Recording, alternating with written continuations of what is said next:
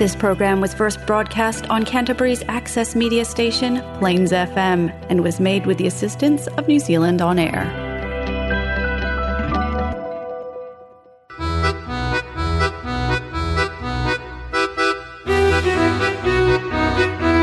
Next on Plains FM, we have Polish culture and traditions on Polish Waves.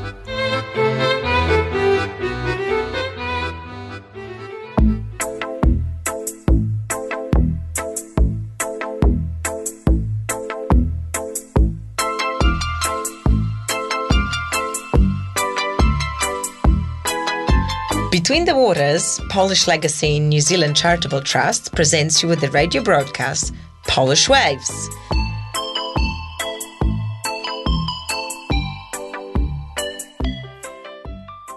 Dzień dobry from Poland. My name is Tomek and you are listening to Polish Waves on Plains FM. Welcome to our October program. And this month of spring in New Zealand, we will take you somewhere colder, to Antarctica.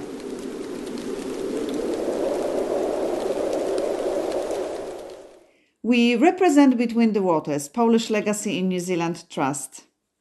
We advocate and promote Polish heritage as part of New Zealand ethnic identity and provide forum to present, share and celebrate Polish uniqueness.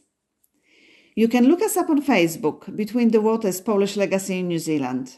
Welcome to our October program.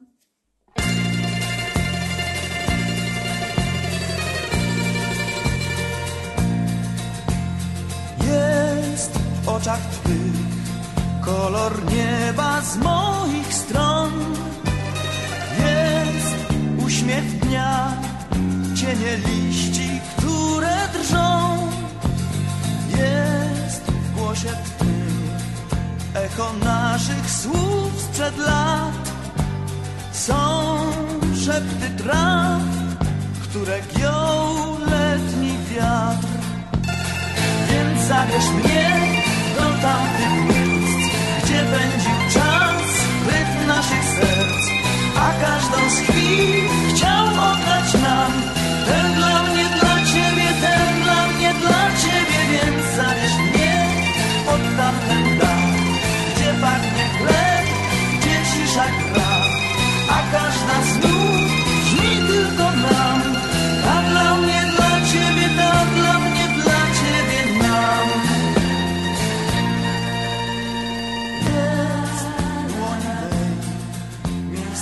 Let's talk uh, about Antarctica. Yes, Antarctica was um, the topic of a lot of activities late, um, lately in Christchurch um, in October as we held um, in here Days of Ice. Um, Christchurch is proud to be one of only five Antarctic gateway cities in the world. And um, annual event Days of Ice celebrate the opening of the Antarctic summer science season in Christchurch. Um, and it's a unique connection with uh, Christchurch, uh, unique connection with Antarctica. It also, also I believe, give the Days of Ice give opportunity for people from around the world to meet and discuss the topics, networking. Uh, that's right. The program usually uh, has something for everyone, including, as you said, events, activities, exhibitions, guest speakers, and also um, some educational stuff, the polar films, as well as um, kids' activities and, and competitions and so forth. So there is a lot happening within um, a few days. Um, this year it was 11 days of activities. And um, we had the pleasure of, of participating a little bit and learning more about Antarctica. So, Tom, do you know uh, what are the Antarctic superlatives? Oh, you just told me that. Okay, do you know that Antarctica is actually the windiest continent? no, I didn't know that. Hey, powerful gales gusting up to 210 kilometers an hour. So that's Antarctica. It is apparently also the highest continent because average height above sea level is 2,194 meters. So there is no Asia with the Himalayas, but no. Antarctica. In Europe, in comparison, the average height above sea level is 340 meters, and in Asia, with all the high mountains is 990 meters on average. So that's. Uh, And the highest mountain um, in Antarctica, the Vinson Massif, is 4,897 meters Wow. as a, as a, um, above the sea level. So um, it is the highest. It is also the driest. It's not actually Australia, it's Antarctica that is the, the driest because average annual snowfall is equivalent to um, 125 millimeters of rain. And in Australia, for example, it is 165. yeah, yeah. I actually heard that, that there's no snowfall. Ah, you yeah, see. you see, so I knew something. and also, this continent is also the emptiest. So it means it contains fewer life forms than any other continent. Only two flowering plants, two flowering plants, Wow. a number of um, mosses, whales, seals, penguins, albatrosses, and so forth. And there is no history of people living in Antarctica. So obviously, um, Antarctica is all about snow and, and ice, I guess, Yeah. and it must be pictures because it's white and and It must be very quiet. very quiet when I there's no wind. Yeah, And the sky, can you imagine the sky? No Yeah. reflection. yeah, I, I can imagine the the cold though, and it is also the most isolated continent. Mm. No other continent is further away from its nearest neighbors. Amazing, isn't it? Because it's circa, circa 1,000 kilometers from South America to Western Antarctica. It's through the Drake Passage. So, so there is a lot of the um, about the continent, uh, that continent, and only less than three percent of Antarctica is without ice.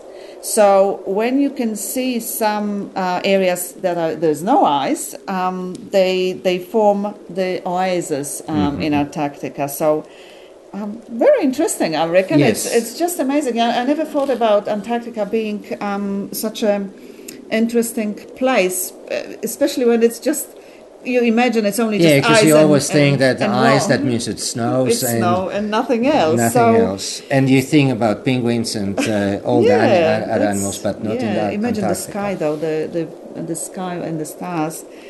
Um, one day we will go there. Maybe. Um, yes, and Thomas, so what is the Polish connection and Polish presence in Antarctica? Polish presence in Antarctica. Yes. So Poland has two stations um, in Antarctica. Uh, one open whole year round, uh, Arctowski Station. The station is named for Henryk Arctowski, who lived between 1871 and 1959. He was meteorologist who accompanied uh, the Belgian explorer Baron Adrien de Gerlache on Belgian Antarctic expedition, uh, and this was first uh, expedition to overwinter in Antarctica. That station was established in uh, 1977 and is managed by Polish Academy of Science and um, has very scientific purpose and uh, the main research area include marine biology, um, geology, um, glaciology, meteorology, climology, seismology, magnetism, ecology, and others. Um, and this other station, uh, which we will focus more today uh, in our program, uh, which is, is, is named after Polish uh, scientist Antoni Bolesław Dobrowolski, who lived almost the same uh, years as, as Arctowski, uh, between 1872 and 1959. Uh, Dobrowolski was a very interesting uh, person. He was involved in uh, Polish independence movement, which led him to conviction uh, to three years impr- imprisonment in the Caucasus, which is the far east Russia. But he managed escaped after two years and uh, ended up in Switzerland and Belgium, where he was studying. While still a student in biology and physics and chemistry in Belgium, he took part in Belgian Antarctic uh, expedition, the same expedition as Arctowski. Um, so going back to, to our station, um, that station uh, was just recently visited uh, by Polish uh, scientists who arrived to staff the station for the first time since 43 years. That station initially was called Oasis by and was named by Soviets and um, It was built by Soviets, I believe. it as was well. built by Soviets, uh, yeah, and was named Oasis, and was uh, built in 1956, but handed over to uh, Polish Academy of Science in January 1959. Um, that station is um, is hard to access and was visited by Polish scientists only a few times since uh, being handed over by Soviets. And the last uh, Polish team was reported to to visit station in 1979.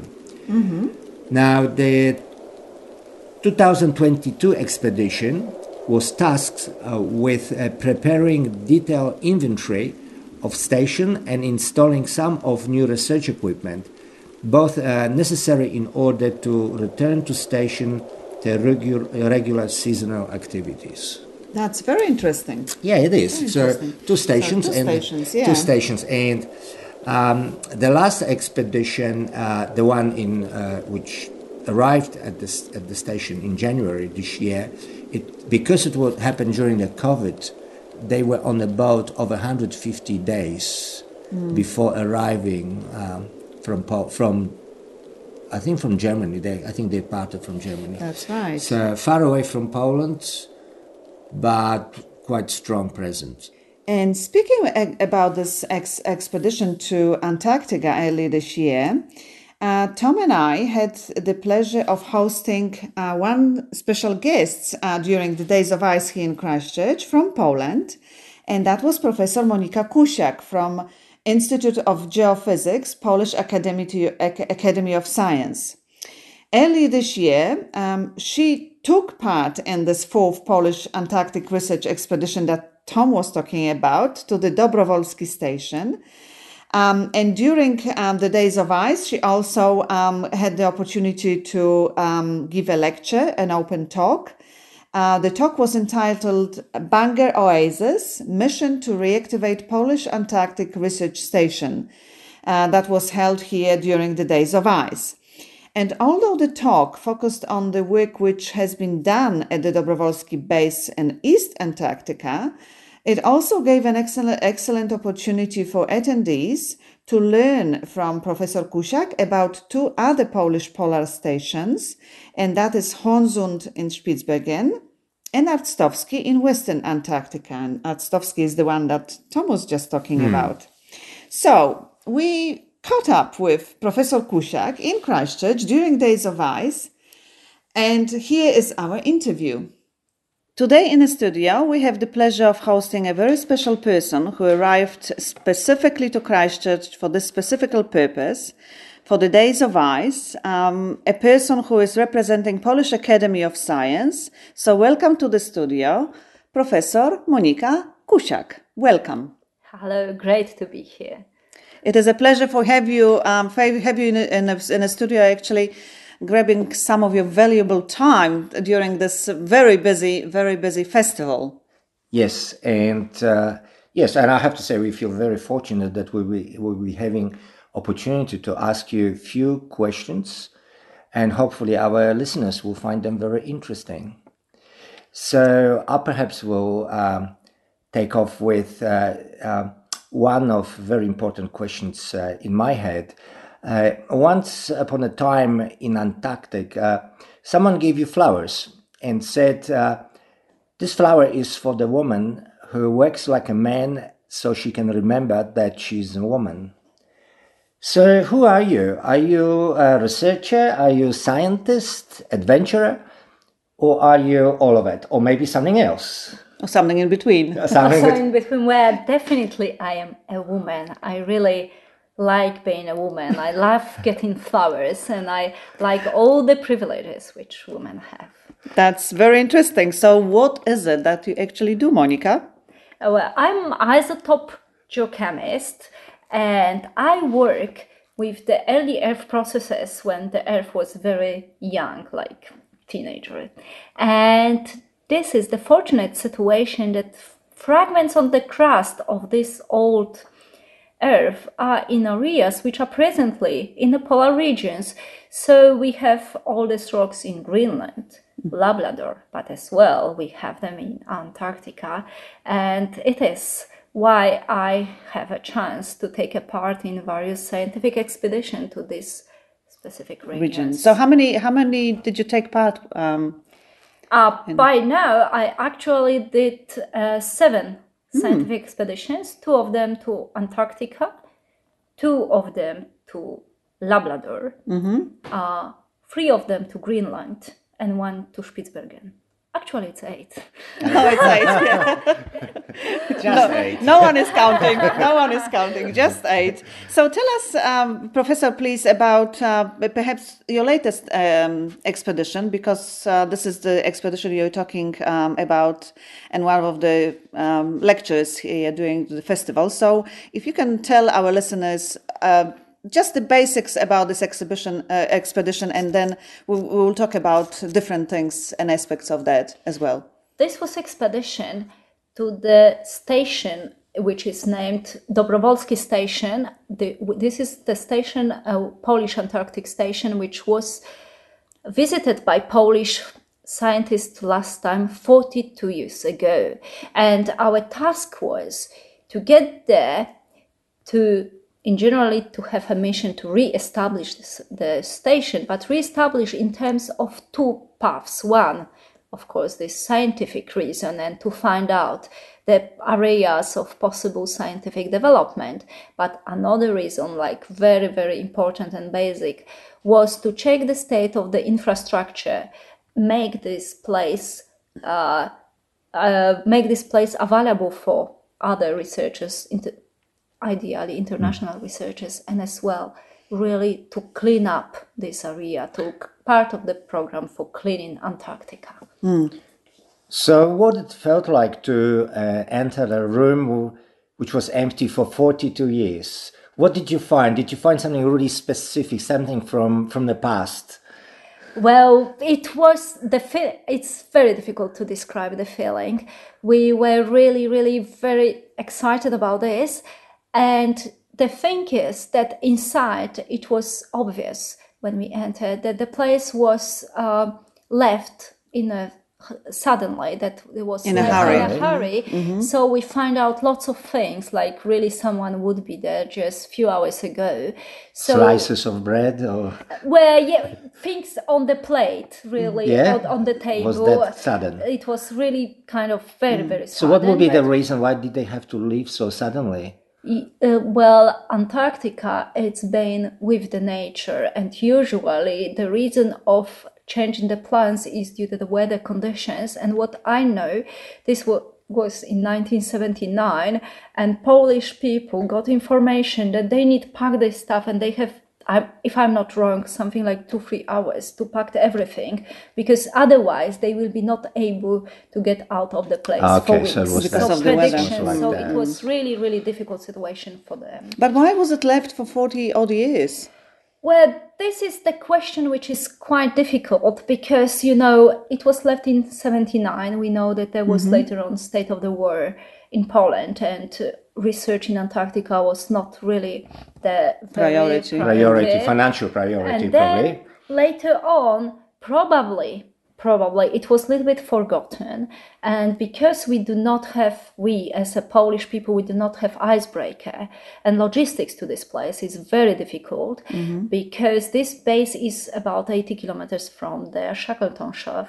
So it means that except of the icebreaker, really serious helicopter You have to work fly must be there. helicopters. So it's this inland, was- basically, This yeah, the- inland, and the thing is that it was really long first of all when we could have the money and uh, be supported by ministry and later on So, how long you find been um, in that place on that mission? Like, you know, how how many days did you spend in Ant- Antarctic? we spent 37 days there and i have to say that uh, probably i'm the only woman who spent so many days in antarctica under the tent because we were living in tents except of our boss marek who, who left in the house three of us Well, were under what living- temperature?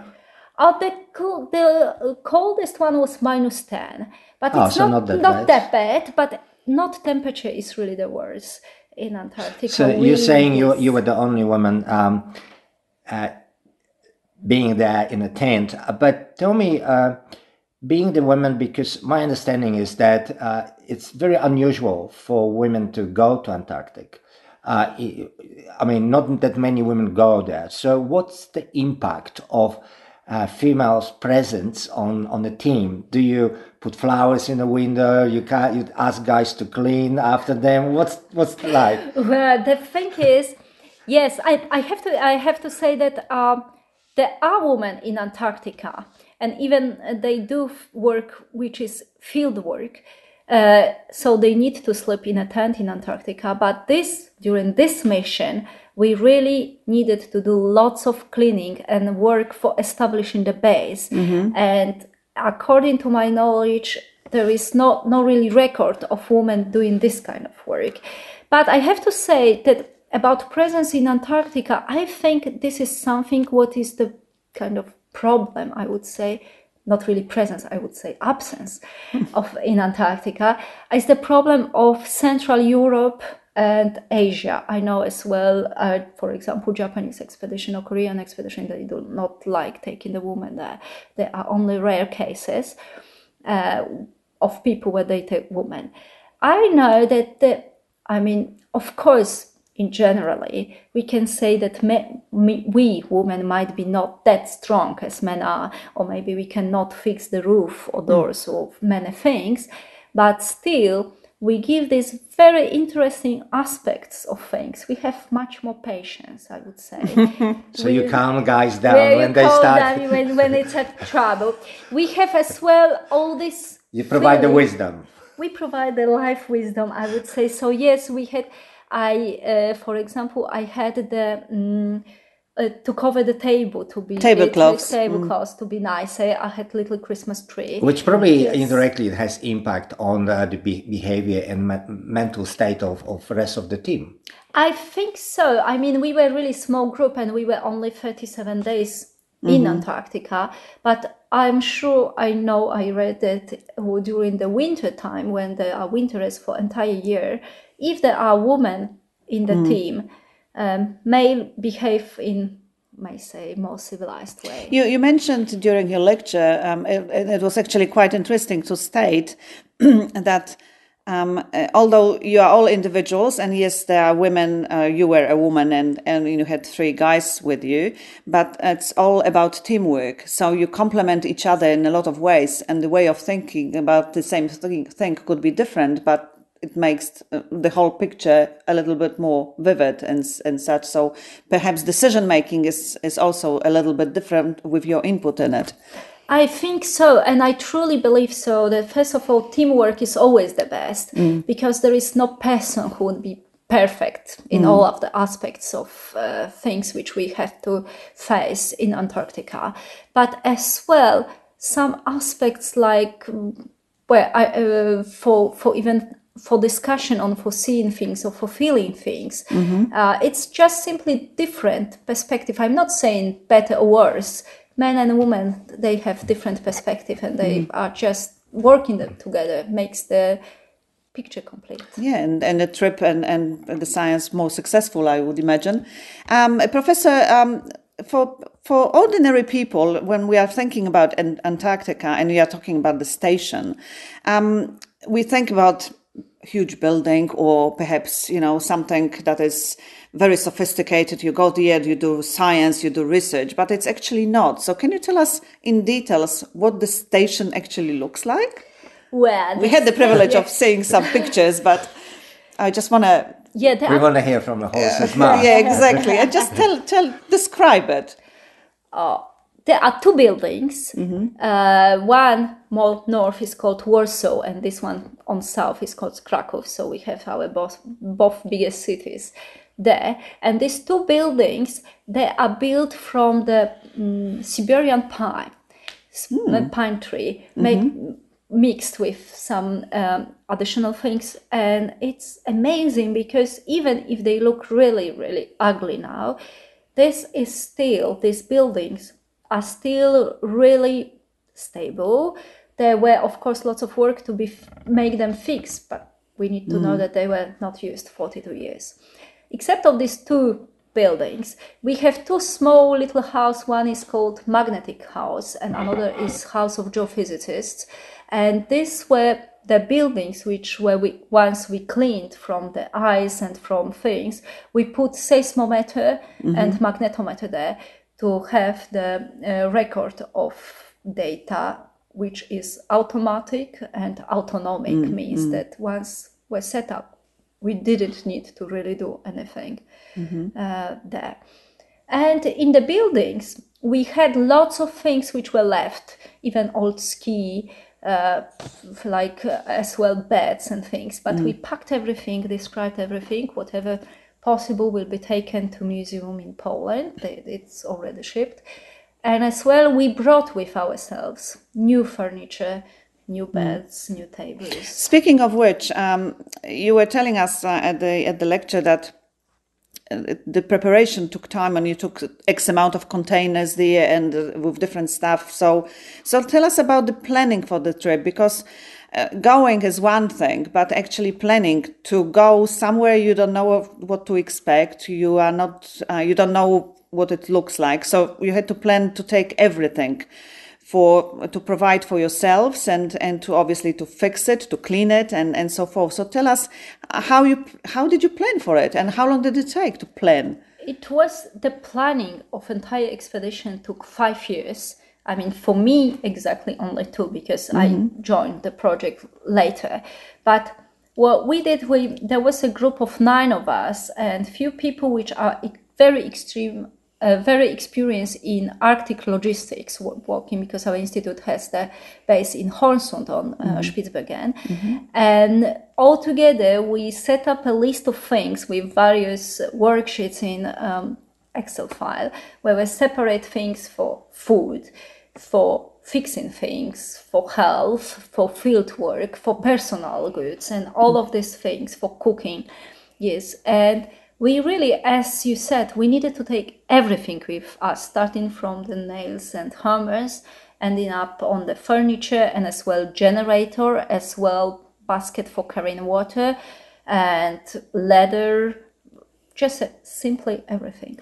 So you, you mentioned that uh, you brought the stuff from Poland and then you took other stuff from uh, from the uh, center to back to Poland to be placed in museum. So can you give us idea in kilograms of containers? How much was it actually? We all of this together, we have 11 tons of things. Wow. 11 tons of things. They were in two big containers, but actually to 20 feet containers. But actually, because helicopter can take only four ton and a half, we needed to have two containers and kind oh of split the container in two okay So we're talking about the major stuff. We talk really about mm. huge, huge amount of things So you have to then unpack everything by hand and it was only three of you. For of Four, us. sorry, four of you. Yeah, there were four of us. We hmm. needed to unpack everything, In, in, really. in all in 30 plus days. yes, and the thing is that we not only packed, but some things were extremely heavy and difficult, like generators, uh, which weighed more than 100 kilograms. So it was like very big technique to do this. We even took with us a toilet, which was burning things in low tem- temperature, hmm. like ecological toilet. Mm-hmm. And as well, we left many things because we prepared the station. I mean, of course, we are far from saying that it is re-established. It needs more work, and we hope to come back there. But as well, we left furniture. We we left barrels with food, like dry food and cans, mm-hmm. and we let we left there as well all equipment which needs to be taken to fix things, to repair, to do work as well, sleeping bags. So, so we, we're talking um, about uh, major work because uh, o- obviously to go on a mission like this, you need to be, you have to have a knowledge and you have to be scientist like yourself, and we appreciate that. But the other stuff is you have to be extremely fit and knowledgeable and like a handyman. And like my unders- handy woman. handy woman, and I understand is that apart from unpacking um, tons of equipment and moving generators and all that stuff. You had to walk for 30 kilometers with rocks on your back like everyone else. You were jumping from helicopter, uh, flying helicopter, and then you were picked up the same way. And you have to withstand uh, winds of 300 kilometers an hour. So, how do you actually convince people before the mission that you are good for it? I mean, like, you have to be Wait. superwoman too.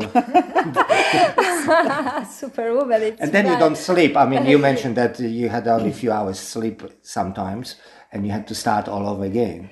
Yeah, I, I'm lucky person because I don't need much sleep. So this is yeah. Fair. But no, the thing is that we went through lots of first of all health tests, and that we were they checked us for I think every possible illness. Uh, So it's like flying on the moon. You have to Yes. so this was this was one one thing. Another thing is that uh, yes, I I'm very fit person and I I do not really I do not train anything, but I do for fitness for various classes just to keep physical condition in a good shape.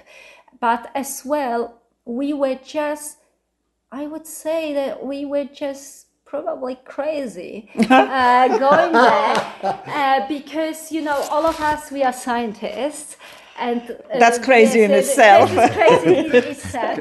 And our boss Marek he is 75 years old and he is mostly person sitting in the office but as well he is very fit and he as well is uh, training a lot. We did lots of as well health courses, courses to survive on the ice, uh, courses to climb. So we we were really preparing for this expedition very seriously. Is it a mental exhib- uh, mental preparation as well?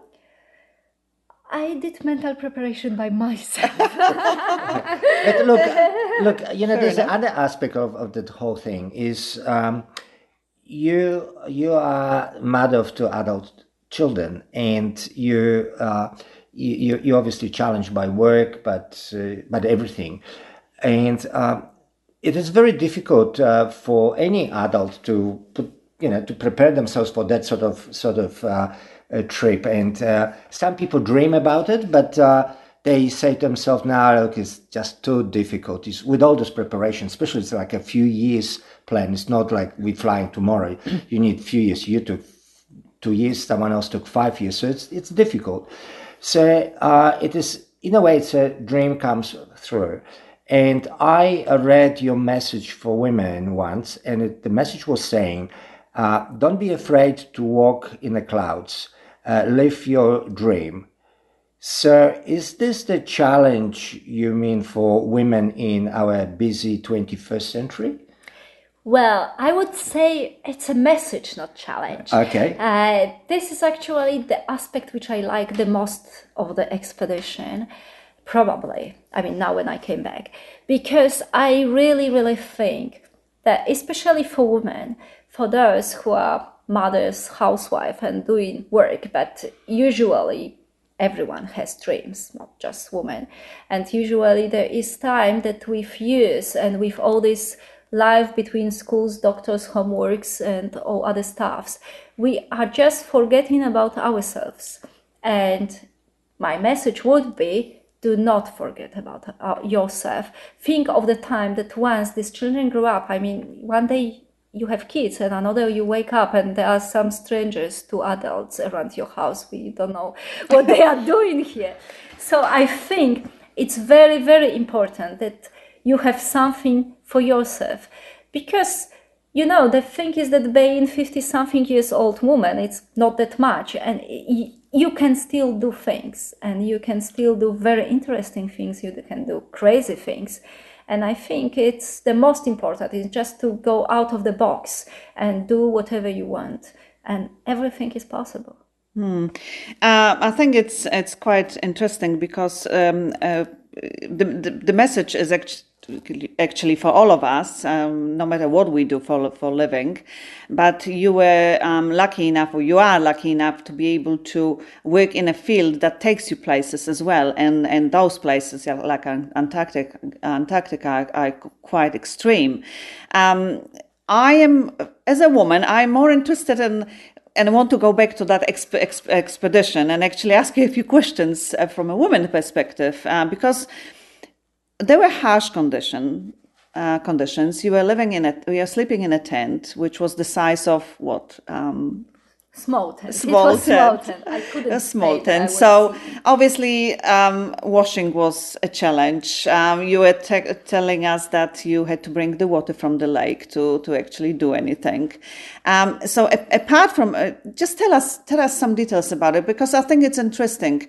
Because the challenge to overcome the challenge, you need to know what that challenge is, and and you you knew to a degree what the challenge might be, so you prepare for yourself. So so it's about planning, it's about the, the preparing for a challenge, and then you can execute that challenge a little bit more. So tell us tell us some details about the difficulties of being a woman in the Antarctic. Yeah, I mean the the thing is that if if you just go to Antarctica like I was first time ten years ago to Arctowski station, we w- we were living in the station where we can take a shower and have normal bed and room. And if we went to the field to be in a tent, it was like week or so, which is normally easy whenever you go camping. It's like going camping. yes, so it was not that big problem. But being 37 days, it really, really is a problem. And you mentioned washing yourself, and I have to say that it was the second day when uh, Marek, my boss, said, "Oh, Monica, if you want, heat some water. We will go out the building, and you can wash yourself." And then I thought that well, to wash myself, I need to go back to the lake and bring these two baskets of water and then carry them and then heat this water. So I said, no, I'd rather go you. dirty. so I would rather be not. But I had these wet tissues, this Mm-hmm. which I used for babies, like really very good quality, which can be really Mm. for, for babies. And every day, and I have to say that each morning and evening, each part of my body I cleaned with uh, these wet tissues Mm-hmm. and was able to survive. But uh, one thing which was really good thing that 270 meters from our station was Russian base Oasis 2, and they had sauna, which they called banya. So once a week, Saturdays, it was possible to get washed there and have a sauna. Uh, 40 minutes was for me the, the time, and this was great because once a week I could wash my hair and recover. and And recover. recover a little bit. I mean, at least to wash yourself in a position when you stay, not just sit in a tent, because the, this the difficulty is that I couldn't stay in the tent. I could choose bigger tent. We had seven tents, but actually I preferred smaller one because I was really afraid of coldness. Mm. So I had small tent, and it was not possible to take a off your old clothes because of course it was too cold for this. So you took partly and then you wash put clean something and then you wash and put clean something. Uh, clean again has a different definition a little bit in antarctica. I just had different thermal underwear and clothes for sleeping than for working. So i was changing this uh, underwear, these ther- thermals, uh, every night. So it was used only for sleeping. So this. Was, So it was it was challenging enough, but it was manageable. It how was. about how about cooking and and, and food? Uh, do you feel hungrier when uh, when you're in hard cold conditions, or you eat less? Do you need to eat or drink um, cold, hot drinks all the time? Look, this is interesting. I I can. I will tell you uh, my experience from a very from this first expedition when I shared the tent with Anya, uh, one PhD student, and it was so cold and we were it was only a week but we were taken away and we had quite a big tent. So we were cooking inside a tent which you really never do but it was so cold and so windy that we were not able really to put our nose outside of the tent. And as well i had a jar something what is called dulce de leche i'm not sure if you know what is this it's a little bit like uh, spread of a taste of caramel and Anya had a jar of mayonnaise. believe it or not, every morning when I only opened the eyes, I took like huge spoon of this sweet caramel to eat, and she took like huge spoon of this mayonnaise. On the way back home, I bought jar of this in Argentina and brought back to my children, and it was like so precious. But one day, when we were back in Warsaw, I just tried a little bit, you know, just when kids were not seen. And I go, oh my God, it's so sweet. You just can't eat it. It's awful. but there in Antarctica, I was really so cold mm. and I really needed it. This time, Different tastes. completely different taste mm. as well. And mayonnaise? Come on, would you think of eating mayonnaise? But Anya On said its as own in well, the she's never doing this in uh, Poland. In normal They're conditions. Normal conditions. But now this time Mm. we had lots of sweets because I thought chocolate will be something what we really will need. Mm. But actually, well, lots of this was we didn't eat that Mm. as much as we had. We had lots of dry food, Mm. lots of cans, but we had as well milk and eggs, which we bought on the way in, in Germany. So you had you had yeah just yeah. normal meals and and tell us um I was just thinking about uh, you were talking about mornings and stuff so is there actually a sense of time when you're in the Antarctic so Well, a so sense of that. Yeah, I mean, but for the first month in Mm. January, we didn't have really nights. I mean, because the sun was high up, so it started to be a little bit darker at the end of January, and then February started to be a little bit dark. We Mm-hmm. so did you have to tell yourself oh it's time to go to Yeah. bed Was it like a like a no dark over the 24 hours or It was for the first for the first days when we were there. Yes, no. So my first field work finished at two a.m. and we came back home, which was still sorry, it was still bright. Mm. Um, so you went to bed or not So yeah, I, went to, to bed. But the thing is that as well, I mean, we had a time of waking up seven thirty, and then mm-hmm. we we met for breakfast. But then because we were working on various things, so we didn't have this time like time schedule for lunch or dinner. Mm-hmm. We were preparing them when we were hungry, actually. But in the evening, we were physically so tired that about 11, 12 p.m this part of the light which is i mean when i have horizontal position i all usually yeah, go on. just Yeah, you're gone. So, so basically, um, all the challenges that are there for for a human being to be there for that long, there's no difference whether it's a woman or a man. It's it's still the same. You you, you face the same I- challenges, right? There is I nothing would say so. There is nothing really different. different. Mm. Because I mean, they're different. Uh, our personal talents Mm. and knowledge, uh, but not really that much from the gender. As I mentioned, I am geologist. I needed to collect samples, and I was the only one from our team who did it. And I took, I walked nearly 200 kilometers altogether, and brought nearly 200 kilograms of rocks on my back uh, which now I'm not sure how I did it. But yes, when you are working like this, you just I'm shaking my hand, Professor, because I have absolutely no idea how a nice um, blonde woman like you would be interested in stones. You know, I I'm really so sorry. don't know. I really don't know why. Every time when I carry heavy rocks, I'm thinking about this, and I regret I'm not working with flowers. Fair enough. So, what what keeps you going, Professor? what keeps you going the way you're going? I I think you know the joy of uncovering the unseen.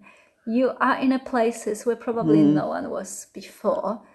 You can discover things, but as well in this crazy 21st century when we run, run, run, you are true. just alone with this amazing nature, uh, where you can just sometimes the beauty of mm. the nature is so amazing. You feel like you would be in a heaven, you would be in a good what is the sound of the Antarctic? it's either wind, which is huge mm-hmm. and noisy, or it's total silence. But you know, I remember my first impression of the first time where I was walking around the seashore and it was like white, mm-hmm. bluish white. And I thought, oh my goodness, who said that that paradise are with palm trees? this is paradise, and I really think so. Well, the eye, the, the beauty is in the eyes of the beholder, as they say. So that's probably what it is. So, can you, when you're walking, can you actually hear the cracks and stuff when you're walking When on ice? quiet. Yeah, because When it's it's, quiet? you know, in Antarctica you do not have really that many animals. I mean, in Bunger Oasis we even don't have penguins. I know it sounds really very sad, but we do not. So you don't have these irritating insects, which is wonderful and great. Too cold, probably for them. Too cold for everyone, just crazy humans. um, Just crazy scientists. crazy scientists. But the thing is that as well, this area is like really early March. It's it might be it is Martian analog because you can see you can ha- you have only the gray gravels. So there is as well special level of difficulties really walking there. I remember for the first days, uh, MarekAłebowski was changing shoes every hour trying to see which are the best for walking because we do not have around that much ice or snow. This is oasis. And it's very uneven.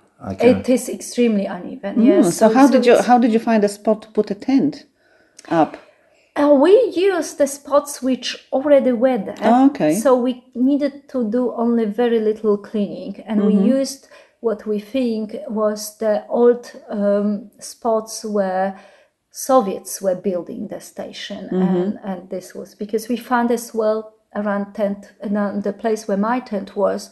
Was definitely there was place when they were preparing as well food and doing things Mm. because they were So, um, so what? Where from from now? Um, are you s- dreaming about another trip, or uh, what's the future for Antarctic, and what's the future for Polish Station? And again, do they fit somewhere in your dreams? well. I'm sure she will be back. I'm sure. again i think you know this first trip was extremely was exciting. And i i would i mean as you may imagine i'm very excited to be officially very first polish woman there and really to to stay there so long and do so huge work in the really cleaning Antarctica. Mm-hmm. We took with us 381 kilograms of garbage, and it's it's How just much? this nearly half a ton, and mm. this is just a tip of the huge mountain. It's still a lot of lot of things to do. And what we would like, we would like to come back there definitely. We would like to have the program to come the, every year, every second year, let's say.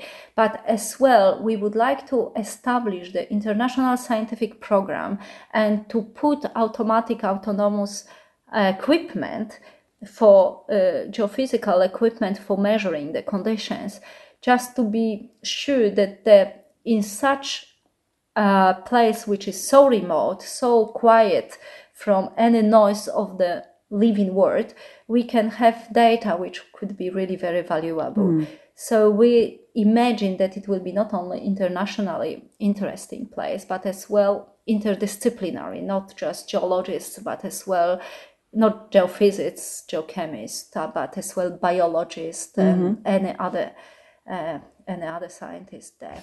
So, Professor, your presence at the Days of Ice here in Christchurch, uh, is there a specific purpose? Um, not only to meet us, of course, and come to Polish Waves, but um, uh, is there a purpose uh, that you specifically want to achieve? Something, you know, Well, I would like as well to make the absence visible. So I Absence of- absence of awesome, woman man. Awesome. visible. So uh, there will be the mm, exhibition. That it's already exhibition of the artist Ira Mitchell who drew a few portraits of Antarctic females, and I'm one of the person which has her own paint. So I I really would like to be there and I was invited for this uh, meeting there and as well I was invited by Polish embassy uh, to take a part in various uh, meetings during the mm, official ceremonies and I hope to make some international contacts and to make some connections to organize our next next trip and to So organize building net network. Networking, To yeah. Networking. Okay. Yeah, I, I guess Christchurch would be the cl- it is the closest gateway to Antarctica, isn't it? Um, I mean, closest gateway to Eastern Eastern Antarctica, part, yeah, yeah. So, the- so, yeah. and that's where the yeah, Dobrowolski station is. Um, Dobrowolski so, station is in East yeah. Antarctica, So, yes. uh, so perhaps, um, well, all we can say is to good luck um, with uh, with the purpose of the exhibition. Uh, um, um, purpose of your visit here uh, during the days of ice and also networking as as we said. And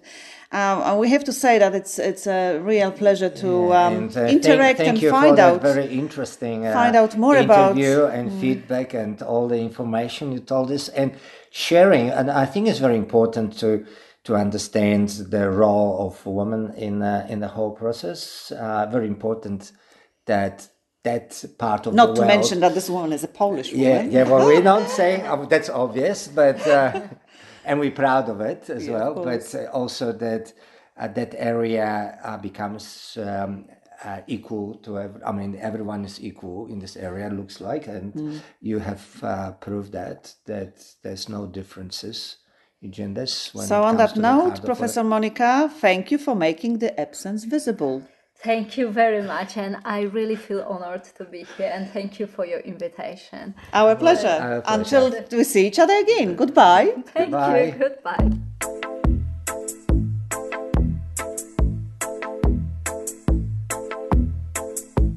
Goodbye. You were listening to Polish Waves on Plains FM, Canterbury Community Access Radio Station. We are here every second Friday of the month at 8 pm, and then you can find us on Spotify under Polish Waves. Look up our Facebook page, Between the Waters Polish Legacy in New Zealand and tune live next month on Friday, the 11th of November. Do usłyszenia.